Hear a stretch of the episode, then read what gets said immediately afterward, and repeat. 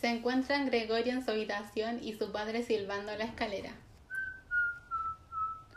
Oh no, no puedo caminar hacia atrás, pero molestaré a mi padre con mi lentitud y tengo miedo de pegarme con el bastón en la espalda. Otro problema más, no quepo aquí. Después de muchos intentos por pasar la puerta, Gregoria quedó atascada con, con las patitas volando y con una herida a su costado. Te voy a dar un empujón para que puedas entrar en el dormitorio. Gracias, mamá, logré entrar. Gregoria lo- logró dormir toda la noche placenteramente. Gregoria despertó de su largo sueño cuando escuchó sonidos de la cocina y sintió olor a comida. Oh, qué asco, no recordaba el sabor de la leche como esto. Y pensó, Qué vida tan tranquila lleva mi familia. Mejor me voy a la habitación. Gregoria esperó a que alguien llegara a su pieza, pero la hermana y la mamá pasaron repetidas veces por fuera de la habitación, así que decidió dormir. Mejor dormiré. Nadie entrará a mi habitación. Desearía poder dormir debajo del sofá, pero soy muy ancha y no quepo. La hermana abrió la puerta del vestíbulo y vio que no estaba Gregoria y pensó que le había pasado algo malo. Dios mío, en algún lugar tiene que estar, no puede haber volado. La hermana entró a la habitación y vio que no estaba. Nadie me toma en cuenta en esta casa. ¡Ay, te encontré! Pensé que te había pasado algo. La hermana fue a buscar comida y se la llevó. Toma, te traje un plato de legumbres. Gregoria al, parar- al pararse hacia, hacia el plato se pegó en una pata. ¿Tendré menos sensibilidad ahora que soy un bicho? Gregoria comió todo el plato hasta quedar satisfecha. Comí mucho, quedé atascado debajo del sillón y no puedo salir. Me cuesta respirar. Ya me tengo que ir.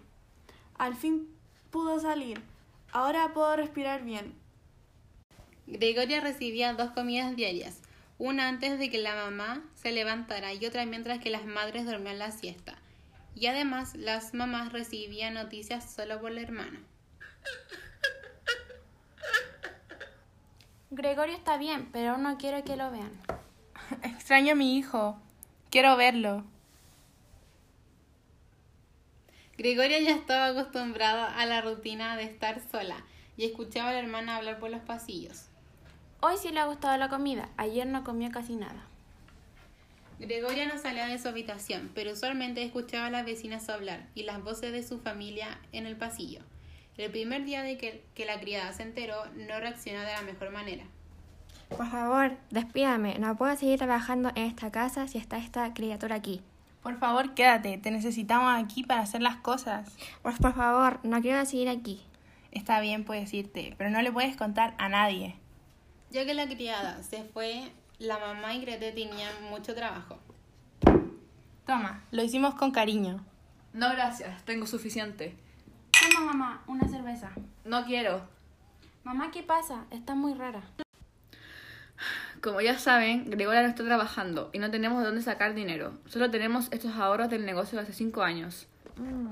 Un poco de alegría al fin. Al menos tienen dinero para un tiempo. Gregoria había trabajado muy duro todo este tiempo para enviar a Grete a un, con- a un conservatorio de violinistas y tenía pensado contarle la noche de Navidad. Qué lástima no poder cumplir los sueños de mi hermana. ¿Qué estará haciendo? ¿Qué haremos? Tenemos solo para uno o dos años y yo no puedo seguir trabajando, estoy muy vieja. Yo llevo cinco años sin trabajar, nadie me contratará. Dos semanas después, Estamos agradecidos de que ayudes a Gregoria en todo lo que necesitas. Déjenme ver a Gregoria, pobre hija mía. ¿Acaso no comprenden que necesito verla?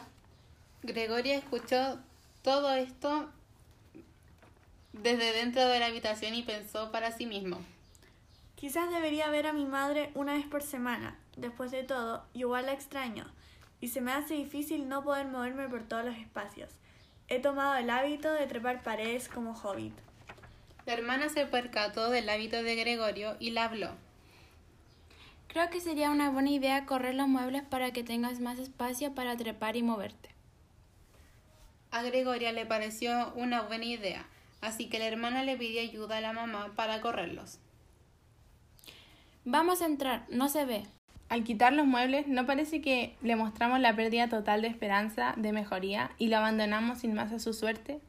Creo que lo mejor sería dejar todo como estaba antes, para que Gregoria cuando regrese otra vez con nosotros encuentre todo como estaba y pueda olvidar con facilidad este paréntesis de tiempo. Gregoria piensa que todo lo que dice la mamá es verdad. Yo creo que Gregoria necesita este espacio para poder moverse y trepar. Gregoria sale del escondite de abajo del sofá y trepó para salvar el cuadro. En eso entra la mamá y Grete.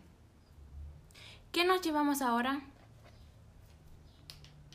Gregoria se negaba a renunciar al cuadro y era capaz de saltar encima de su hermana para salvarlo. Dios mío, ¿qué es esa mancha? Ojo, Gregoria. Estas eran las primeras palabras que Grete le decía a Gregoria después de la metamorfosis. Luego fue a la habitación contigua a buscar algo para reanimar a la mamá. Mientras Grete buscaba algo para reanimar a la mamá, se le cae un al suelo y le cae un pedazo de vidrio a Gregoria. ¡Au! Ten más cuidado. Grete no lo toma en cuenta y corre hacia la mamá. Gregoria estaba separada de su madre, pero por su culpa, Gregoria estaba a punto de morir. Se sentía desconsolada y preocupada, por lo que comenzó a trepar por, la, por toda la habitación con desesperación. Era la mamá. ¿Qué ha pasado? Mamá se ha desmayado, pero ya está mejor. Gregoria se ha escapado. Ya me lo esperaba, se los advertí hasta el cansancio, pero ustedes nunca me hicieron caso. Gregoria escuchó la conversación de Grete con la mamá y se dio cuenta de que la mamá había malinterpretado lo que decía Grete. Mamá debe pensar que hice algo malo.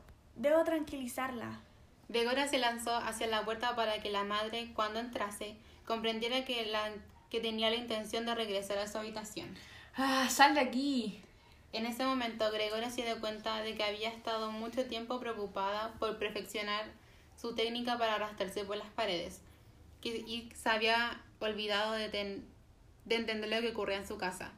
Se comenzó a hacer muchas preguntas, como si era o no aquel persona su madre, o si era la misma de antes. He estado tan preocupada por otras cosas que se me ha olvidado los problemas de la casa.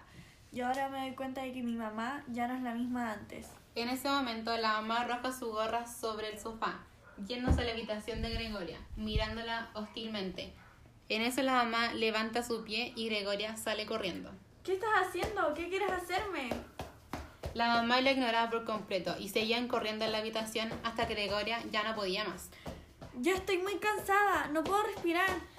En eso se le ocurre trepar por las paredes y siente que algo fue lanzado y cayó al lado de ella. Era una manzana.